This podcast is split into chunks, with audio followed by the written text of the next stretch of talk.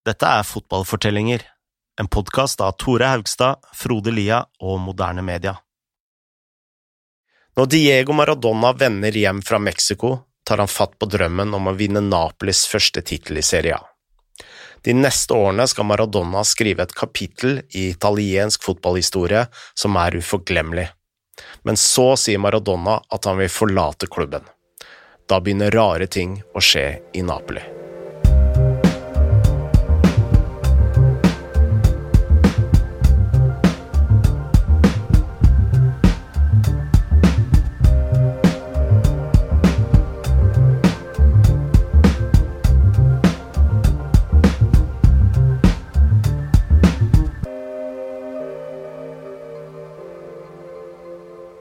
Mens Maradona vant VM i Mexico, hadde Napoli giret opp til tittelkampen ved å forsterke stallen.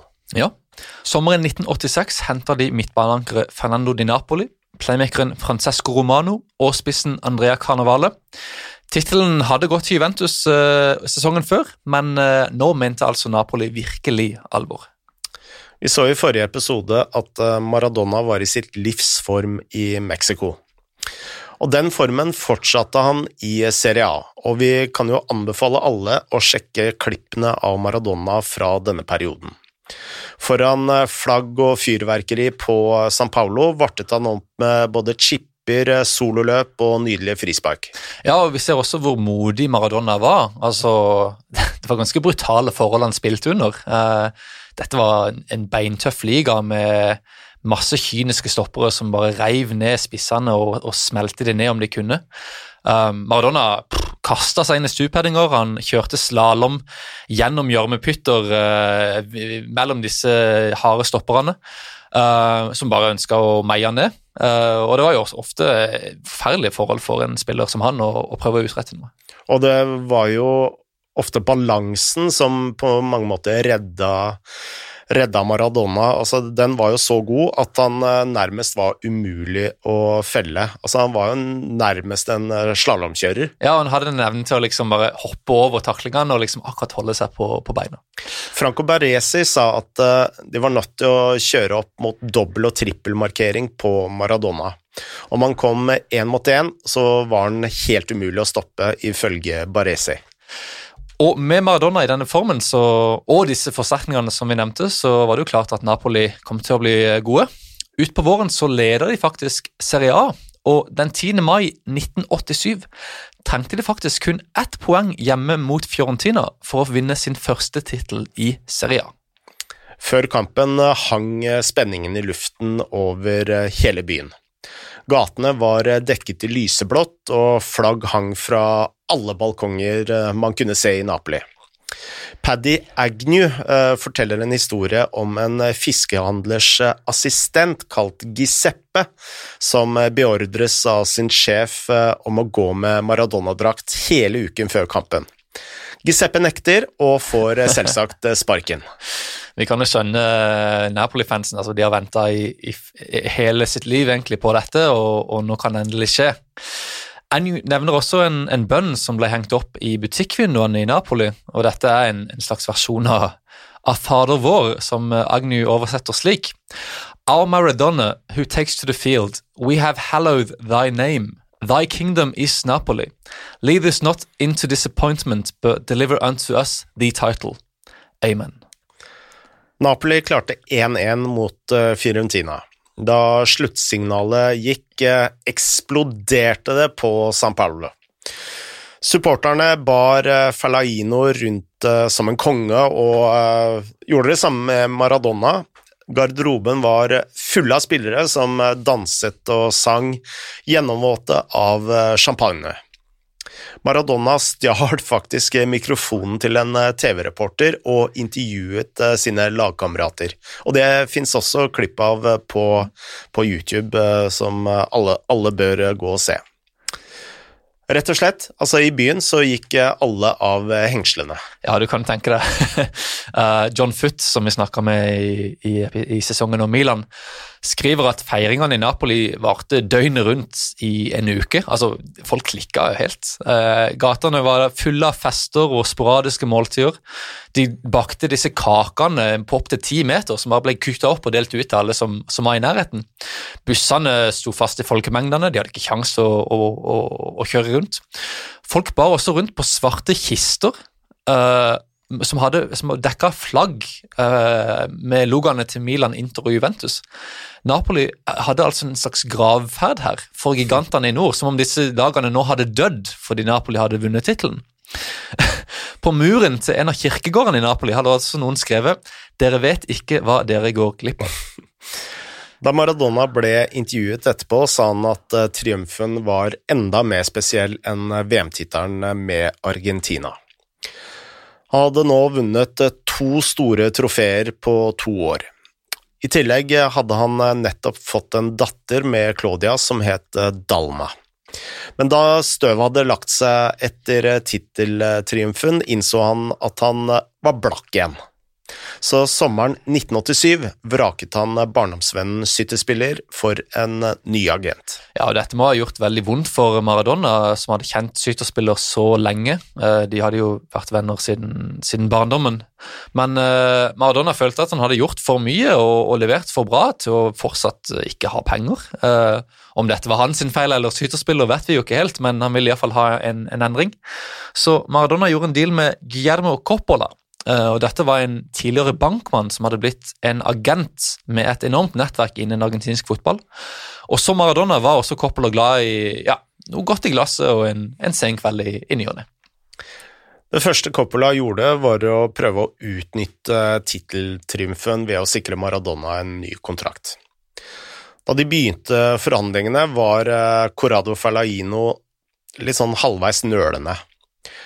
Så kom det frem at eh, Maradona var eh, faktisk ønska av Milan, og eh, Milan hadde jo nettopp blitt kjøpt av Silvio Berlusconi, som vi snakka veldig mye om i sesong fire av Fotballfortellinger. Ja. Nå ønsker Berlusconi Maradona uansett pris. Vi snakka jo der om at Berlusconi er veldig glad i disse fantastiske tekniske, magiske playmakerne. Uh, han inviterte Maradona til et hemmelig møte hvor han tilbød å doble lønningene hans, selv om han ikke visste hva Maradona tjente i utgangspunktet. Maradona likte Berlusconi, men uh, han visste jo innerst inne at han ikke kunne gå til et annet lag i Italia, spesielt ikke i nord, fordi fansen aldri kom til å tilgi han. Maradona sa faktisk til Berlusconi at hvis denne avtalen skjer, så må begge vi to forlate Italia. Dermed dro aldri Maradona til Milan, men eh, interessen hjalp ham i forhandlingene med Fellaino. Like etter skrev en eh, journalist at Milan ville ha Maradona. Ifølge Maradona fikk denne saken Fellaino til å kaldsvette, og samme dag innfridde Fellaino samtlige av Coppolas krav, og mer. Maradona fikk eh, tre ganger så høy bonuser som han egentlig hadde bedt om. Når det var sagt, så var Coppola allerede kjapt ute med å gjøre Maradona rik uansett. Han sikra Maradona et ukentlig TV-show som var verdt nesten en halv million dollar. Coppola sa at denne dealen ville sørge for at Diegos barn ville spise kaviar resten av livet. Maradona hadde også en sponsoravtale med det japanske klesmerket Hitochi. Han var i reklamer for skoleutstyr for barn, konfekt og iskaffe. En gang spilte han også inn en TV-reklame for ølmerket Asahi like ved kanten av Vesuv, som er denne enorme vulkanen like ved Napoli. Alle visste hvor verdifull Maradona var. Han kunne spørre om bilmodeller som ikke engang hadde begynt å bli produsert, og få dem. Ved én anledning kom Coppola til huset hans og ba ham se ut vinduet. Der sto det en Mercedes som ikke engang var på det italienske markedet. Maradona løp ned, ga Coppola en eh, god bamseklem, fikk nøklene, hoppet inn og skrøt av bilen. Men så så han at eh, girspaken eh, var en automatgirspak. Så han hoppet ut av bilen, ga nøklene tilbake til Coppola og gikk inn i huset igjen, men før han stakk, sa han til Coppola Tusen takk, men jeg liker ikke automater. Med finansene på stell dro Maradona Napoli inn i en ny tittelkamp. Han ble fortsatt sparka ned hver uke. Utenfor banen ødela kokain kroppen hans, og han ble jo heller aldri hvilt, selvfølgelig. Smertestillende tabletter var for lengst en del av dietten. Og likevel da, så anså Maradona denne sesongen som en av sine beste, om ikke den aller, aller beste. Maradona ble toppskårer med 15 mål i Serie A. Sammen med Giardano og Careca, en spiss Napoli hadde kjøpt fra Udinese, utgjorde han nå Magica, en magisk angrepstrio. Selv Bianchi innså at han eh, nå bare måtte la Maradona gjøre litt som han eh, ville. En eh, treningsuke for Maradona var nå på tre økter, hvor den på fredag bestod av litt frisparktrening, som også det finnes YouTube-klipp av, og en massasje. Med fem kamper igjen lå Napoli fem poeng foran rivalene, en betydelig avstand siden seieren, seieren fortsatt ga to poeng.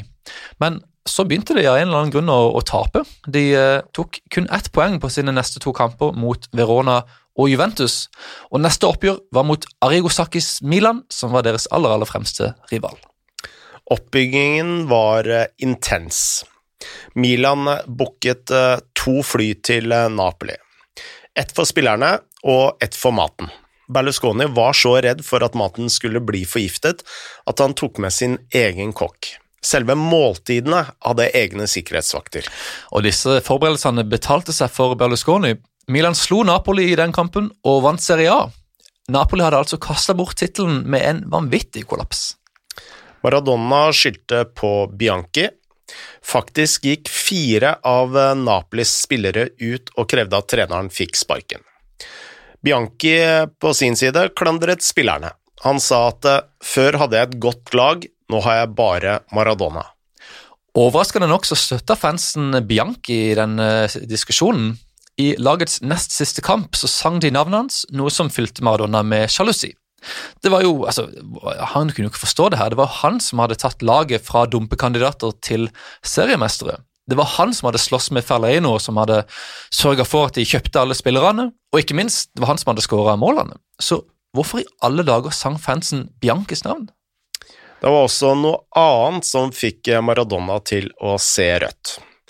Napolis kollaps hadde skapt en konspirasjonsteori om at Comoran hadde fått dem til å tape med vilje. Mafiaen hadde tatt en rekke veddemål fra optimistiske fans på at Napoli skulle vinne tittelen, og dermed måtte betale ut en formue om de faktisk hadde stått løpet ut. Denne teorien krenka Maradona så dypt at han var villig til å faktisk forlate klubben.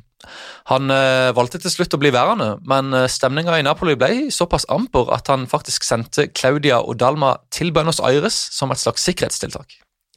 Da Maradona kom tilbake fra ferien i Argentina sommeren 1988, var han fortsatt rasende. Fellaino hadde beholdt Bianchi og sparket de fire rebellene. Da Marseille viste interesse for Maradona, sa han til Fellaino at han ville bort. Uten en motivert Maradona kom Napoli til kort i Serie A, hvor tittelen gikk til suverene Inter. Men Napoli spilte bra i Uefa-cupen. Der nådde de semifinalen mot Bayern München, og ifølge Maradona da, så sa Ferlauina til han før kampen at han kunne dra til Marseille om Napoli vant den turneringa. Da Napoli senere vant finalen mot Stuttgart, løftet Maradona trofeet og feira. Nå hadde han både en kontinentaltittel og en ny klubb. Men så kom Fellaino bort til ham og sa at han ikke fikk lov til å dra likevel. Fellaino krevde i stedet at Maradona fullførte kontrakten. Og her kan vi jo forstå Fellaino. altså Han hadde ikke blitt en særlig populær mann i Napoli om han hadde latt Maradona dra. Men Maradona samtidig følte seg nå bedratt, og han skrev senere at han hadde lyst til å knuse pokalen over Fellainos hode. Senere ble i tillegg Coppola og Claudia hekla på San Paulo, noe som gjorde Maradona enda mer sint på folket i Napoli. Sommeren 1989 dro han tilbake til Argentina, fast bestemt på å forlate klubben en gang for alle. Men i denne perioden begynte rare ting å skje. Tyver brøt seg inn i leiligheten hans uten å stjele noe. Og så dukket det opp et bilde i magasinet Il Matino som viste Maradona sammen Camorra-sjefen Carmine Gugliano. Snart fant etterforskere 71 bilder av Maradona sammen med Camorraen, fra mafiaens hovedkvarter til ulike restauranter i byen. De hadde invitert han med på fester og gitt han dyre klokker og biler, og alt han hadde trengt å gjøre, var å posere for eh, bilder. Maradona hadde ansett dette som skyldig moro, men eh, nå ble altså en rekke anklager kasta mot han, blant andre at han hadde smugla kokain. Det var ingen tilfeldighet at dette bildet hadde blitt publisert akkurat nå som Maradona hadde sagt at han hadde lyst til å forlate Napoli. Noen tror at uh, dette var Comorrans uh, forsøk på å vise Maradona hva som kunne skje om han ikke oppførte seg. Det var tross alt ikke i mafiaens interesse at han skulle forlate klubben. Og Maradona begynte jo å bli paranoid og var redd for å returnere til Napoli. Han eh, kom ikke tilbake før i midten av september, da fire ligakamper var eh, spilt. Selv da var ikke Maradona helt seg sjøl. Han eh, ble benka i første kamp, og da han kom inn på etter pausen, så brente han et straffespark. Men fansen de bua ikke på han. Det letta humøret til Maradona, og enn så lenge så, så bestemte han seg for å tilgi fansen. Snart var Maradona tilbake i toppform. Fellaino hadde erstattet Bianchi med Alberto Bigon, en mildere trener som ga Maradona mer frihet. Med ett fant laget flyten. Igjen begynte de å slåss om eh, tittelen. Og igjen var eh, fienden Sakis Milan. Fire runder før slutt spilte Napoli borte mot Atalanta. Der sto det 0-0 med ett kvarter igjen, da Napolis brasilianske midtbanespiller Alemao skulle ta et innkast. Plutselig gikk han i bakken, og det viste seg da at noen hadde kasta en mynt ned fra tribunen som hadde truffet Alemao. Napolis fysioterapeut Salvatore Carmando rykka umiddelbart ut og hjalp Alemao av banen, før brasilianeren ble frakta til sykehus. Der ble han besøkt av Fellaino, som fortalte pressen at Alemao ikke engang hadde kjent ham igjen. Fellaino krevde så at eh, fotballforbundet straffet Atalanta for episoden ved å gi Napoli seieren. Forbundet ga etter, og Napoli vant 2-0. Eh, vant i gåseøyne, selvfølgelig, eh, og dette gjorde jo Milan rasende i en så jevn tittelkamp. De hyra inn leppelesere som fant ut at Carmando hadde bedt Alemano om å sitat, sitat, bli liggende. Alemao innrømmer senere at han hadde overdrevet skaden, eh, og da Milan senere da tapte mot Verona i en kamp hvor de fikk tre røde kort, så var tittelen Napolis for andre gang. Maradona følte nå at han hadde fått sin revansj. Han hadde blitt truet, uttenkt og anklaget for mafiavirksomhet. Nå hadde han ført Napoli tilbake til toppen av italiensk fotball. I løpet av feiringen ble han spurt om Napoli ikke hadde hatt bedre sjanser å vinne om det hadde vært mindre kaos rundt ham. Da svarte Maradona følgende, Det er slik jeg liker å vinne.